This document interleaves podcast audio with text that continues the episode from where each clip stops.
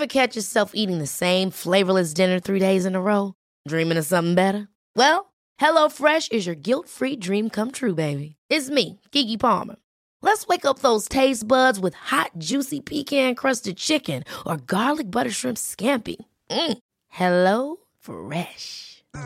Stop dreaming of all the delicious possibilities and dig in at HelloFresh.com. Let's get this dinner party started. When you're ready to pop the question, the last thing you want to do is second guess the ring. At Bluenile.com, you can design a one of a kind ring with the ease and convenience of shopping online. Choose your diamond and setting. When you find the one, you'll get it delivered right to your door. Go to Bluenile.com and use promo code LISTEN to get $50 off your purchase of $500 or more. That's code LISTEN at Bluenile.com for $50 off your purchase. Bluenile.com code LISTEN. Quality sleep is essential. That's why the Sleep Number Smart Bed is designed for your ever evolving sleep needs. Need a bed that's firmer or softer on either side? Helps you sleep at a comfortable temperature? Sleep Number Smart Beds let you individualize your comfort so you sleep better together. JD Power ranks Sleep Number number 1 in customer satisfaction with mattresses purchased in-store. And now, save 50% on the Sleep Number limited edition Smart Bed for a limited time. For JD Power 2023 award information, visit jdpower.com/awards. Only at a Sleep Number store or sleepnumber.com.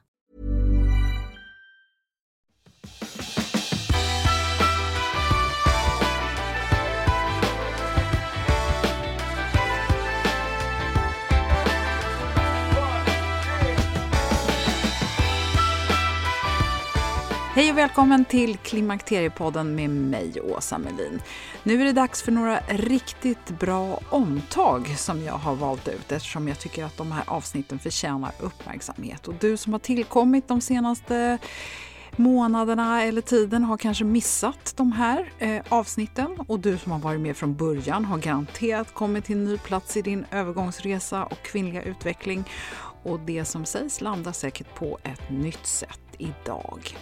Jag har frågat några av mina återkommande lyssnare vad de tycker jag skulle köra för repriser. Och en trogen lyssnare hon sa att hon ville ha feel good. Ja men visst, jag fattar. Inget snack om stress och inte en massa jobbig träning och inte kunskapsspäckade avsnitt som man måste koncentrera sig för mycket på när man lyssnar. Ja men det är ju liksom en liten utmaning när man sitter och bläddrar bland tidigare avsnitt. Men eh, kul ändå har jag haft haft när jag har lyssnat tillbaka. Så här bjuder vi nu på ett underbart positivt konstruktivt avsnitt med Hanna Möllås som är barnmorska, sexolog, psykoterapeut, poddare och författare. Det här var ursprungligen avsnitt 162 med ett annat för och eftersnack. Hanna är så mjuk och hjälper oss tänka kravlöst. Hon förklarar vad, så att man förstår och känner igen sig samtidigt. Så härlig person tycker jag. Så välkommen att lyssna.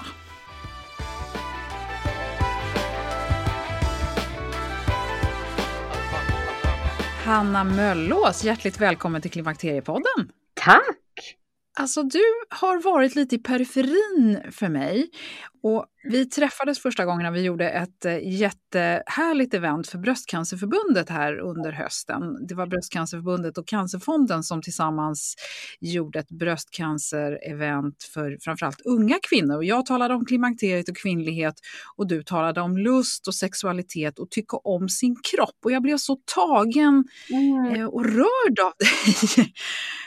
Och du hade sån energi och sån, ja, men sån fantastisk människa, så jag blev så glad att eh, du vill dela med dig här i Klimakteriepodden. Så varmt välkommen Hanna! Tack så mycket, vad roligt. Kan du inte börja med att berätta vem du är? Jo, jag är ju från början är jag barnmorska. Eh, och sen så eh, har jag en reumatisk sjukdom som gjorde att efter tio år så, där, så blev det väldigt svårt att jobba kvar som barnmorska kliniskt på förlossningsavdelning. Så då läste jag vidare och är auktoriserad specialist i klinisk sexologi och har lite andra auktorisationer i sexologi. Och sen har jag läst till psykoterapeut. Så jag har en samtalsmottagning i Huskvarna där jag jobbar mestadels och sen föreläser jag en hel del. Jobbar mycket med religion och sexualitet. Jag har skrivit lite böcker och har skrivit en bok om självbild och om att adoptera och omfamna sig själv. Och sen jobbar jag nu faktiskt med eh, en podd som ska handla om lust och relationer i terapi. Om hur terapeuter kan bli bättre på att samtala om sexualitet och relationer. Så det tror jag är viktigt. Ja, och, och då blir jag nyfiken på hur kommer det sig att man då går från barnmorska in i just sexologibiten. Hur, hur hamnade du där? Ja, det är ju lite så att egentligen så jobbar ju barnmorskor väldigt mycket med sexolo sexologi och sexualitet och kroppslighet och särskilt kvinnans sexualitet i ett livscykelperspektiv med menstruation och graviditeter och barnlöshet och barnlängtan och barnfrihet och barnönskan och eh, barnafödande och amning och allting så. Eh, men sen även den äldre kvinnan eh, och även klimakteriet, alltså barnaåldrarna innan och genom livet och sen även gyncancer och sen genom massa olika frågor som rör kvinnans sexualitet kan jag säga. Så egentligen inte steget så långt mellan barnmorskeri och sexualitet. Jag ville fördjupa mig mer i hur man bemöter och jobbar med människors sexualitet. Eh, och då blev det som en fördjupning till barnmorskeriet kan man säga. Eh, och då läste jag en klinisk utbildning i Göteborg som var på flera år och sen har jag läst en master i sexologi som är mer forskningsinriktad men även lite kliniskt om hur man jobbar med mötet, att samtala med människor kring sexuella frågeställningar. Ja, nej men superspännande. Vi ska komma in mer på det och jag vill bara börja i, när vi träffades då första gången så citerade Höga visan. Kan inte du berätta varför? Jag tyckte det var så fint. Ja, det är ju, Höga visan är ju en kärleksdikt som finns i Bibeln. Och där fanns det en liten vers som jag använde mig av när jag skrev min mastersuppsats som handlar om hur sexologer bemöter lustfrågor i parrelationer när de möter par som kommer för olika lustfrågor. Så Eh, och i den här versen så står det fånga rävarna i lustgården innan vingårdarna går i blom. Och jag tyckte det var så vackert för att det handlar ju om att de här rävarna är det som gör att lustgården, alltså i många dikter och, och traditioner och kulturer så har ju trädgården och det blomstrande varit någon slags symbol för sexualitet och det spirande och det som ska väckas till liv och som ska få, få ge färg åt, i naturen och då tänker jag att rävarna blir det där som förstör för lustgården och som förstör för trädgården att få blomstra. Så då tyckte jag det var lite fint att inleda en uppsats om eh, hur man kan jobba med lust just med det där citatet. Ja, och då vill jag veta hur gör man det då? Vad är lust? ja. ja, hjälp, det är ju så bra fråga för att Många som kommer till mig på min mottagning, de säger så här, ja men Hanna, jag har tappat lusten eller jag har, jag känner ingen lust eller så. Och då är det ju jätteviktigt att försöka definiera vad just den här personen menar när de säger så. För att om man tittar på de definitioner som finns så brukar de poängtera att sexuell lust, det kan definieras som någon form av sexuell drift eller önskan eller motivation att engagera sig i någon form av sexuell aktivitet eller intimitet. Men sexlust är ju en del av livslusten i stort skulle jag vilja säga och att den inte alls bara handlar om hur mycket sex vi vill ha eller har, utan det handlar om vad vi längtar efter, vad vi tänker, våra fantasier och känslor.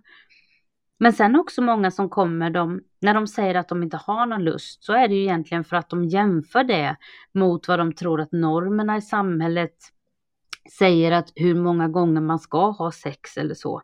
Eh, eller så kanske de jämför sig med partners lust och så tycker att nej men jag vill ju mycket mindre än dig så det måste vara något fel på mig.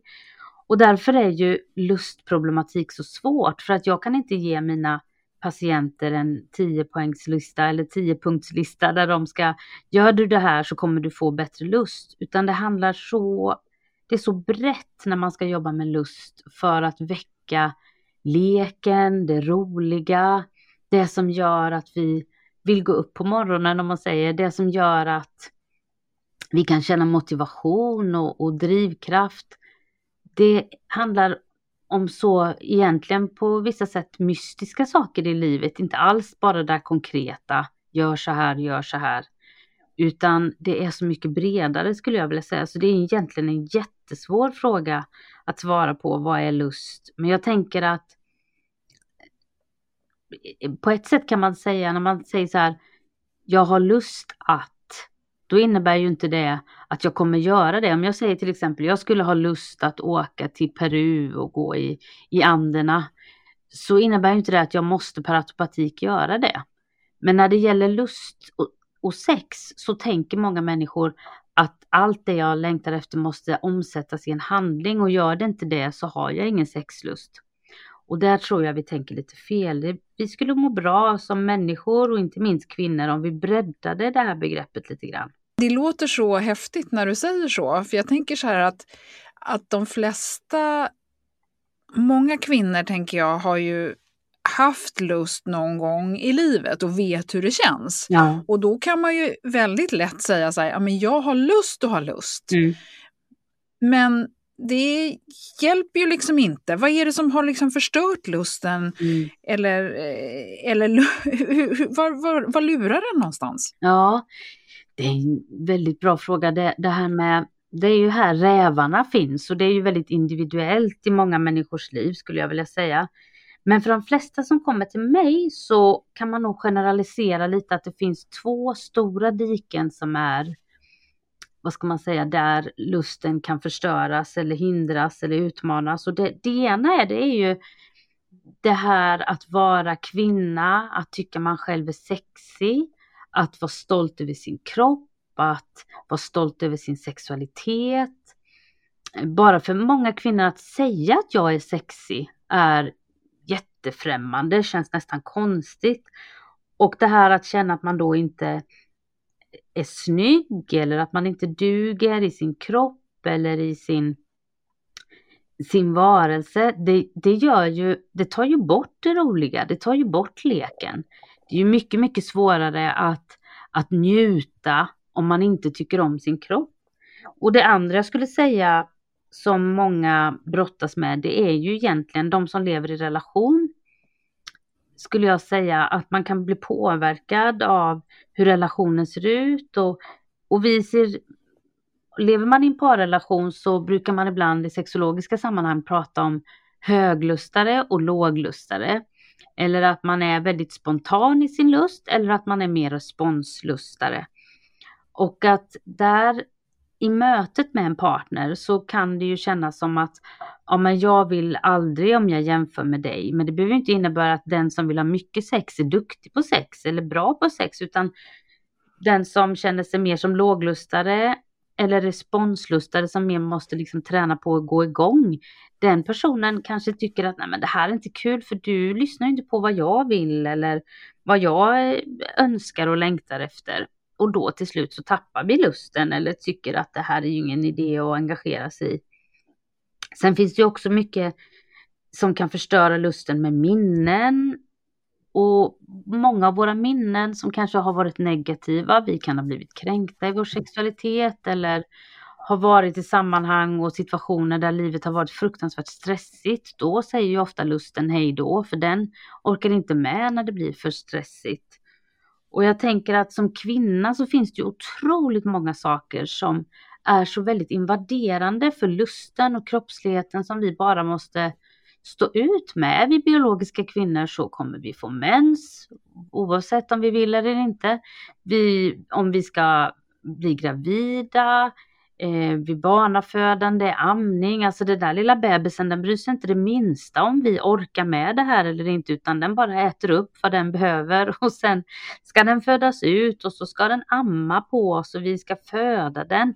Det är otroligt invaderande processer och många kvinnor som jag möter som kanske är efter barna åren så. De har kanske aldrig tagit sig tid att bara nu behöver jag efter amning och allting bara få lite tid att få avgränsa mig själv och hitta tillbaka till min lust, till min kropp.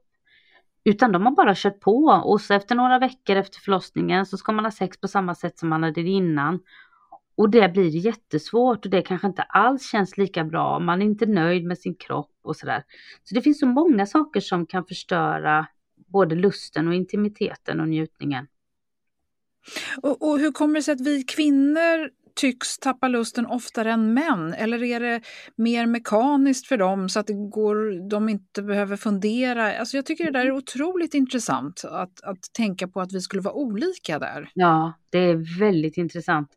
Alltså om man tittar på den stora gruppen biologiska kvinnor och jämför den med stora gruppen biologiska män så finns det ju massa olika skillnader inom gruppen kvinnor. Det måste vi komma ihåg. Men det är ju så att testosteron som män har mer av än kvinnor är ju en viktig del för den hormonella driften om man säger. Men sen tror jag också vi måste vara ärliga och se att det finns ganska mycket likheter eller olikheter i hur vi blir uppfostrade, hur vi tränas in i att tänka. Och de här normerna om hur den kvinnliga sexualiteten ska vara mer relationell, vi ska ta hand om och omsörja, vi ska ha mycket omvårdnad. Eh, gör att kvinnor får inte riktigt på samma sätt träna sig att ta för sig, att vara sexuella, att vara upphetsade och vara stolta över det. Utan det är någonting som man ska göra när allt det där är städat och allt är fixat och alla mår bra. Då kanske vi kan tänka lite på oss själva. Medan män kanske på en större utsträckning blir fostrade in i att men man får ta för sig och man får ställa krav och sådär. Och sen, jag tänker också att jämställdheten är ju jättebra naturligtvis. Det ska, nu sitter inte jag här som sexolog och klagar på jämställdheten, den är ju jättebra. Men jag har mött många, genom åren många självständiga, starka kvinnor som i parrelationer eller i relationer överhuvudtaget har lite svårt för det där att bli förförd. Alltså för då, då känns det lite som att nej, men då styr jag inte över sexet själv. Då blir det ju inte att jag har sex när jag själv vill. Utan då ska jag ju, jag måste ju vänta på att jag själv vill. Om du förför mig så är det som att jag inte riktigt, riktigt, riktigt har bestämt själv. Och då blir det nästan så att man börjar tänka att det är det här manipulation. Och det blir väldigt jobbigt att försöka ha den eh, garden uppe hela tiden så att man inte får känna att man får bli förförd eller att få själv förföra. Och det är ju, då, då blir ju många kvinnor, nej men det här, så här, jag är feminist eller jag står upp för eh, kvinnans eh, självständighet och då, då blir det nästan svårt, om man drar det till sin spets, så blir det nästan svårt att leva i en parrelation där man ska vara flexibel och man ska eh, vara följsam med en annan människa. Så jag tror att vi behöver fundera på det där, men om vi lever i en bra relation där vi i i, där vi har en partner som lyssnar på oss och som respekterar om vi verkligen inte vill och, och om vi vill säga nej, då, då, då kanske det inte är så farligt att bli förförd. Eller också så kanske man får ha såna här rollspel då. Ibland så får mannen vara den ena och ibland får man som kvinna vara den så att det blir jämlikt där också. Precis, och där har du helt rätt i att det finns de som till och med menar att i och med den här jämställdheten så har de här rolllekarna blivit ännu mer populära. Där jag bara får säga att idag är jag den som ska bestämma. Ja, och jag, ja varför inte? Lyssnar. Ja. Men, men vi har lite grann varit inne på den nu eh, mm. redan, tänker jag. Men vad, finns det någon anledning till att det här med lust eller mindre lust ska komma kring klimakteriet? Eller varför är det så vanligt? Ja, men jag, dels tänker jag det här att vi, vi kanske inte riktigt har hunnit med med våra kroppar i evolutionen eftersom vi har aldrig tidigare i världshistorien levt så här länge. Och vi har inte varit så friska som vi är idag runt klimakteriet utan om vi tänker för 2-3 tusen år sedan så, så, så dog ju kvinnor när de var i 40-årsåldern och då var de mormor och kanske gammelmormor redan då. Och vi kanske har i västvärlden i alla fall en liten romantiserad bild av att vi som kvinnor ska vara likadana hela tiden genom hela livet. Medan man i många andra religioner och kulturer ser till kvinnans cykliska mående, att i den här till exempel menstruationscykeln så finns det tider av, jag menar till exempel som i, i religiösa judiska sammanhang så ser man ju till att då säger man ju att kvinnan är oren under menstruation och sen innan hon får ägglossning. Och ordet oren låter ju i, i våra västerländska termer väldigt eh, fel och nedgraderande, medan det faktiskt också kan tänkas som att det från början handlade väldigt mycket om att man ska få leva ett cykliskt liv där man inte alltid måste vara på topp utan där man under sin menstruation får kura ihop sig och slappna av och vänta tills det är nästa ägglossning och då börjar man ha, ha sex igen. Och mm. inte, vi behöver inte komma in i sådana typiska cykler, men vi kanske behöver tänka att när vi haft den här tiden med barnafödande så kanske det är jättebra att bara få tänka hur hittar jag tillbaka till min egen kropp så jag inte bara ställer upp på partnersex för att det, det förväntas av mig, utan hur kan jag få känna att nu äger jag min kropp, mina bröst är mina, de är inte mina barns längre. De är mina och nu, det här, så här vill jag att lusten och intimiteten ska se ut framöver. Och att vi hittar de där cyklerna där vi faktiskt får grotta ner oss i oss själva och få vara liksom eh, lite avslappnade och sen tagga till och gå ut i världen och ta den och sen gå in igen i oss själva. Och det kan verka lite så här eh, flummigt, men jag tror det här när vi börjar med p-piller tidigt och sen ska vi äta hormoner så att vi har samma hormonmönster genom hela livet och sen ska vi helst bara fungera och köra på eh, efter klimakteriet. Att vi istället tänker, ja men ett kvinnligt liv kanske behöver sina cykler. Kanske behöver en dag i veckan när vi bara får gå i mysbyxor och känna efter hur det känns i underlivet, i låren, i knäna, i huvudet, i hjärtat. Vem är jag? Vad vill jag? Det finns så mycket vi ska göra så att många kvinnor som jag möter har glömt att fundera över vem är jag? Vad vill jag?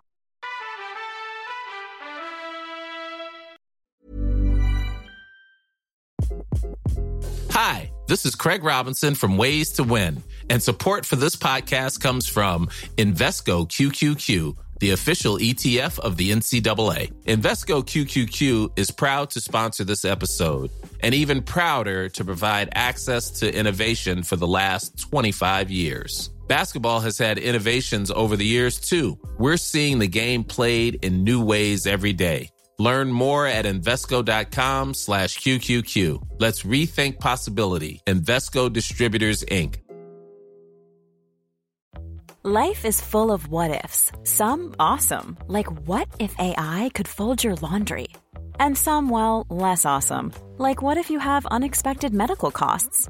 United Healthcare can help get you covered with Health Protector Guard fixed indemnity insurance plans they supplement your primary plan to help you manage out of pocket costs. No deductibles, no enrollment periods, and especially no more what ifs. Visit uh1.com to find the Health Protector Guard plan for you. Ever catch yourself eating the same flavorless dinner three days in a row? Dreaming of something better?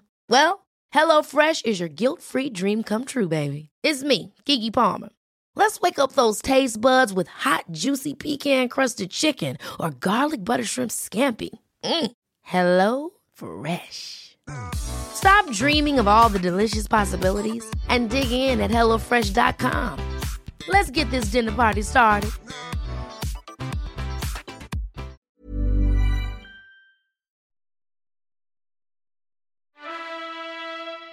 Men just det här med klimakteriet, är det, blir det, egentligen är det snarare, säger du det att det egentligen kanske har smugit sig på? Det har ingenting egentligen med, med hormoner eller liksom sjunkande östrogen att göra? Jag tänker att det faktiskt är så att det finns en vits med att vi ska i klimakteriet kanske känna mindre lust för en tid. Inte, vi behöver inte vara mindre lust till livet, men det kanske är så att vi i den här hormonella omställningen som blir vid klimakterietiden så ges vi en möjlighet att tänka om i kroppen. Vem är jag nu? Hur, vad vill jag nu med sexet? Så att det inte bara rullar på, att vi försöker tänka att det finns något positivt i att vi får en liten, liten tid när vi kan få lära känna kroppen på nytt.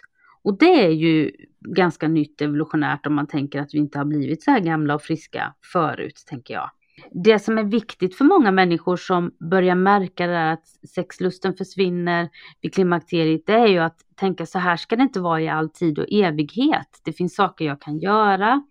Det finns saker jag kan fundera över, men nu behöver jag få hitta tillbaka till min kropp så att jag känner att jag äger den. När vi pratar om kropp nu så tänker jag på det här med att det är inte så lätt att kanske tycka om sig själv. Mm när man ser sig själv i spegeln naken eller man kanske inte ens vill ställa sig framför eh, spegeln naken. Nej. Eh, kroppen förändras ju med åren, det är ju ofrånkomligt. Mm. Hur, hur, har du några tankar där eller någonting med hur vi kan komma åt det? För det tänker jag kommer tillbaka till det här som du sa med att känna sig sexig. Mm. Ja, och det där tycker jag, då, då tycker jag det är jätteviktigt att man funderar lite kring jag brukar prata med mina patienter om vilka kartor som har formats i när de har uppfostrats. Hur lär du dig att tänka om din kropp? Hur, vem har lärt dig hur du, vad du ska säga om din kropp och hur du ska tycka om din kropp? Och, och, allt det här sättet som vi uppfostras i, som vi undervisas i, det påverkar ju oss. Och då om vi kanske har fått en slags känsla av att nej, men jag, jag är inte tillräckligt lång, jag är inte tillräckligt smal, jag är inte tillräckligt brun eller jag duger inte så integreras ju där i vår kropp.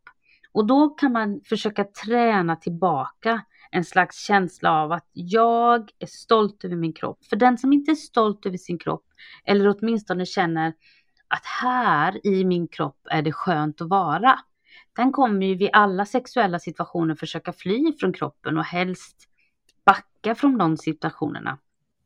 Så då kanske man ska börja lite med sig själv. Att man kan börja med det i duschen där man ändå oftast är naken. Att bara när man smeker in sig kropp med tvål faktiskt känner efter. Hur känns det när jag smeker mig själv på vaderna och över kroppen? Var är min kropp? Här är min kropp. Det här är min kropp och den vill jag vara stolt över. Den vill jag ta hand om. Den vill jag sörja för. Alltså det finns saker jag hade önskat vore annorlunda, men nu är det som det är. Det finns vissa saker jag kan påverka med träning och mat, men jag kan inte förändra den helt och hållet. Och att då tänka på sig själv som naken, om det är för den som tycker att det här är jättesvårt så kan man bara börja tänka tanken om att man är naken. Att sen försöka stå framför spegeln med kläder och ta bort ett klädesplagg i taget. Så pass sakta så att man känner, nej men nu känns det okej okay att ta av ett klädesplagg till. Är det tillsammans med partner så kanske man känner att ja, men jag kan, en del kan tycka att det är jättesvårt att vara naken tillsammans med en annan människa, men vi kan vara nakna under täcket eller i mörkret och sen kan vi tända en lampa lite längre bort och sen kan vi ställa lampan lite närmre. Så att man får träna sig i det här att det här är jag. Det är så här det blev och jag tycker om detta. Jag vill ta hand om detta. Mm.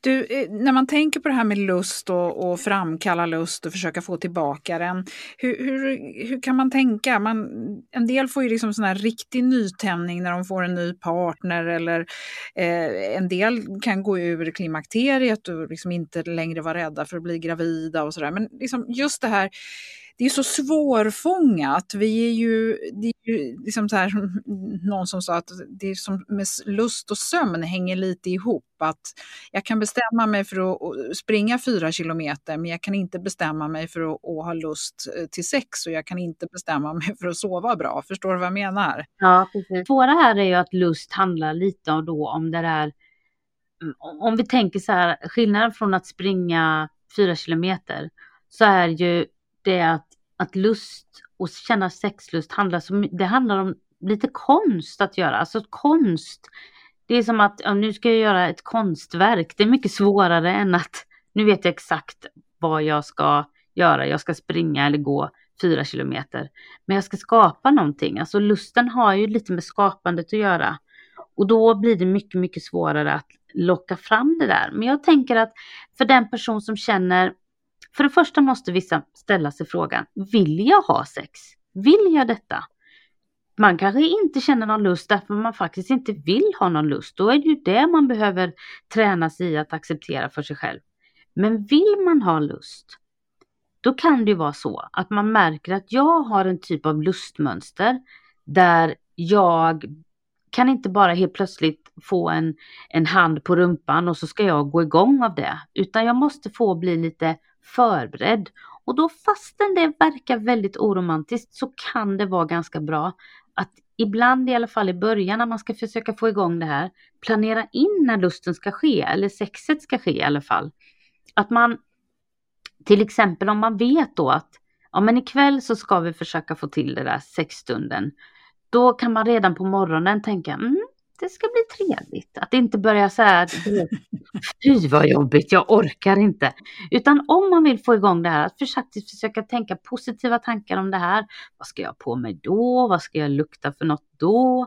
Och vad ska vi vara? I vilket rum ska vi vara? Att man försöker få igång sig själv och det där planerandet kan ju verka så tråkigt men samtidigt så är det likadant om vi ska springa de där fyra kilometerna så behöver vi planera för det också.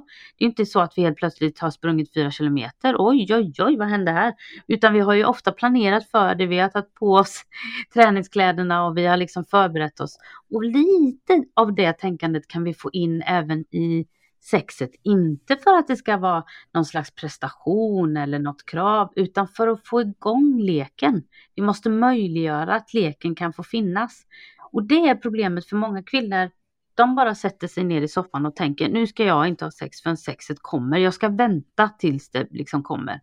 Och då är det så för många att den kommer inte. För en del gör det det, men inte för alla. Och om man då känner att nej men den kommer ju inte, men jag vill att den ska komma då kan man ta till de här försöken att försöka planera in det så att det i alla fall finns en lucka i schemat och möjlighet att, att göra det här och sen hitta det roliga i det. Och rekommenderar du att man försöker få lust med sig själv innan man försöker ha lust med någon annan? Eller tycker du att eh, börjar i en tvåsamhet eller kan det vara lättare att ta tag i det i ensamhet? Hur tänker du? Ja, men jag tänker, det är väldigt individuellt. Jag har mött de som tycker att nej, men det känns helt jättekonstigt att vara själv. Jag vill göra detta med min partner. Medan det finns andra som känner att nej, men jag behöver nog hitta mig själv först och veta hur jag fungerar, vad jag tycker är skönt och förstå min egen kropp och känna mig trygg i det innan jag går till nästa steg, att kunna vara naken inför någon annan. Så det där är nog eh, individuellt, men det viktiga är att man inte bara sätter sig ner och väntar på att det ska komma, för det kommer det sällan göra. Mm, nej, jag förstår. Du, finns det andra skäl till att lusten försvinner än det vi har pratat om nu, att man liksom har tappat bort sig själv lite grann? Ja, så jag skulle nog säga eh, det där att man, eh, de, de vanligaste skälen det är ju kanske att man eh, vid vid klimakteriet och runt omkring i de åren innan och åren efter så finns det ju väldigt många kvinnor som jag möter som, har, som lever ganska stressade liv. Även om barnen kanske är, om man har barn så börjar de bli lite äldre, men det, man har föräldrar som är sjuka, man har människor man ska hjälpa och man har ett jobb man ska försöka göra karriär i, det sista innan pensionen och man ska det är mycket man ska göra, vilket gör att den här stressen, den tar bort det roliga. Och när vi blir riktigt stressade, när vi känner väldigt mycket krav, förväntningar, då säger lusten, jag orkar inte, jag, jag går härifrån. Och då blir ju sex prestation. Och när sex blir prestation, då får vi spänningar i kroppen, vi får ont i kroppen, vi får ont i underlivet, vi har, kan bli, få torrare slemhinnor för vi spänner oss och vi tycker inte om oss själva. Och det blir onda cirklar som gör att nej, vi kan inte riktigt njuta. Och då tillhör ju de som är kvinnor faktiskt den enda delen av mänskligheten som har ett eget organ för njutning. Alltså vi har ju klitoris som är egentligen ganska stor. Den del av klitoris som man ser som finns längst upp där inre blygdläpparna går ihop som blir den liten svullen kulle kan man säga som man när man blir upphetsad så börjar det svullna där. Men klitoris, om vi tänker att den delen som syns på klitoris är liksom mitt huvud, så är ju klitoris har ju fyra stycken stora skänklar som är som mina armar och mina ben. Och den omsluter liksom hela området i vaginan. Och klitoris som syns, den har ju 7000 nervtrådar. jättemycket nervtrådar på en jätteliten, liten, liten, liten yta. Vilket gör att man får liksom inte använda det här området som någon slags tialopp och skrapa, skrapa, skrapa, utan man måste vara försiktig eh, och låta det få, få ta lite tid. Men det här är ju så spännande därför att många kvinnor jag möter som tycker att det börjar göra ont med, med penetrerande sex till exempel, men ändå försöker och försöker och försöker, så säger jag, men vänta, lugna lite med det. För klitoris som ger en förmåga till att få starka orgasmer sitter utanpå vaginan.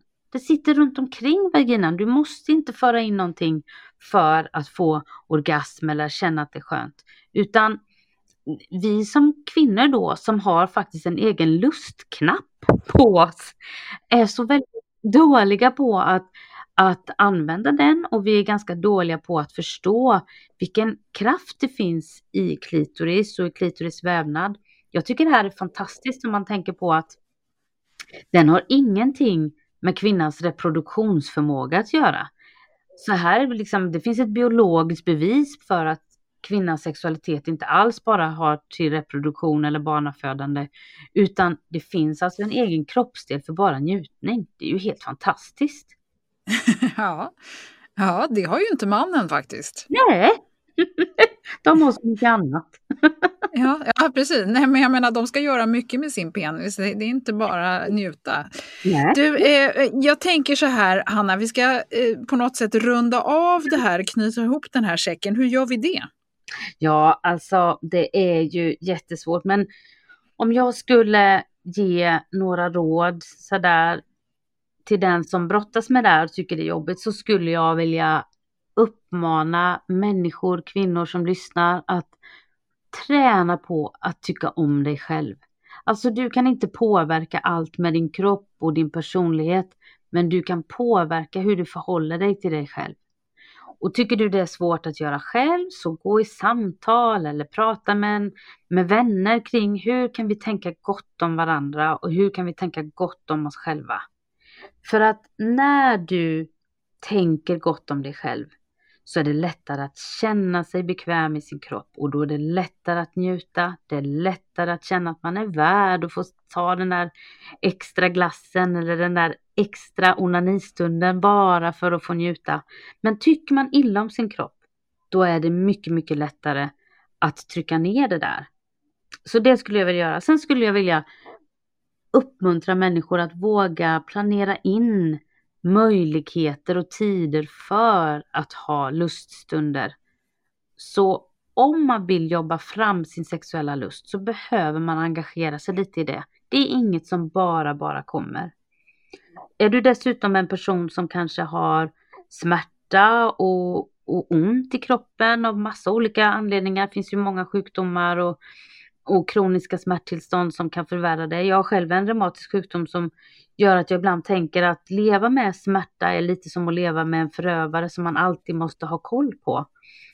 Alltid måste vara på sin vakt och då är det väldigt svårt att vara vän med sin kropp. Men då får vi hitta de där små stunderna när vi kan njuta, när vi kan känna oss avslappnade och när vi får känna oss nära oss själva och kanske även någon annan. Mm. Ja, men fint Hanna.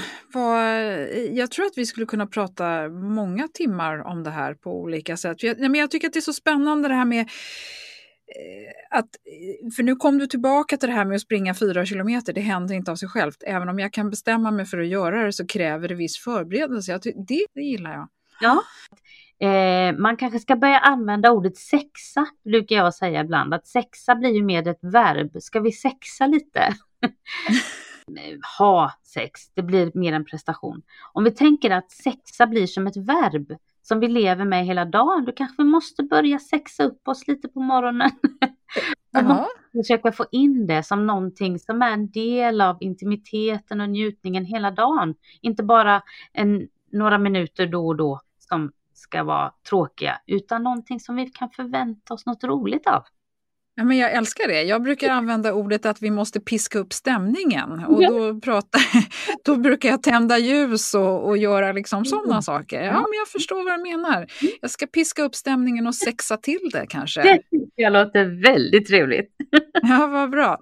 Tusen tack Hanna Möllås eh, för att du kom till Klimakteriepodden idag. Det har varit jättehärligt samtal och eh, jag eh, tycker att eh, det finns stor anledning att man ska kika in på Klimakteriepoddens hemsida och Facebook-sida där vi kommer lägga upp lite länkar och nu kommer man också ha möjlighet att lyssna på din podd. Även om den är ämnad för professionella människor i första hand så kanske vi vanliga också kan lära oss något, eller? Absolut. Och det är ju också en, en podd där man kan få vara med om man har berättelser som man tycker att terapeuter eh, behöver få höra och få bli bättre på att ta hand om. Och det finns mycket som kommer handla om lust i allmänhet som alla kan ha nytta av. Ja men perfekt, toppen. Tusen tack Hanna! Tack!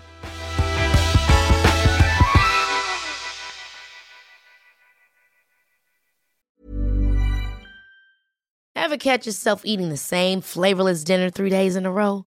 Dreaming of something better? Well, HelloFresh is your guilt-free dream come true, baby. It's me, Gigi Palmer. Let's wake up those taste buds with hot, juicy pecan-crusted chicken or garlic butter shrimp scampi. Mm. Hello Fresh. Stop dreaming of all the delicious possibilities and dig in at HelloFresh.com. Let's get this dinner party started. This message comes from BOF sponsor eBay. You'll know real when you get it. It'll say eBay Authenticity Guarantee. And you'll feel it. Maybe it's a head turning handbag, a watch that says it all, jewelry that makes you look like the gem, or sneakers and streetwear so fresh every step feels fly. eBay gets it. So look for the blue check mark next to that thing you love and be confident that every inch, stitch, sole, and logo is checked by experts. With eBay Authenticity Guarantee, you can trust that feeling of real is always in reach. Ensure your next purchase is the real deal. Visit eBay.com for terms. Mom deserves the best, and there's no better place to shop for Mother's Day than Whole Foods Market. They're your destination for unbeatable savings, from premium gifts to show-stopping flowers and irresistible desserts. Start by saving 33% with Prime on all body care and candles. Then get a 15-stem bunch of tulips for just $9.99 each with Prime. Round out Mom's menu with festive rosé, irresistible berry chantilly cake, and more special treats. Come celebrate Mother's Day at Whole Foods Market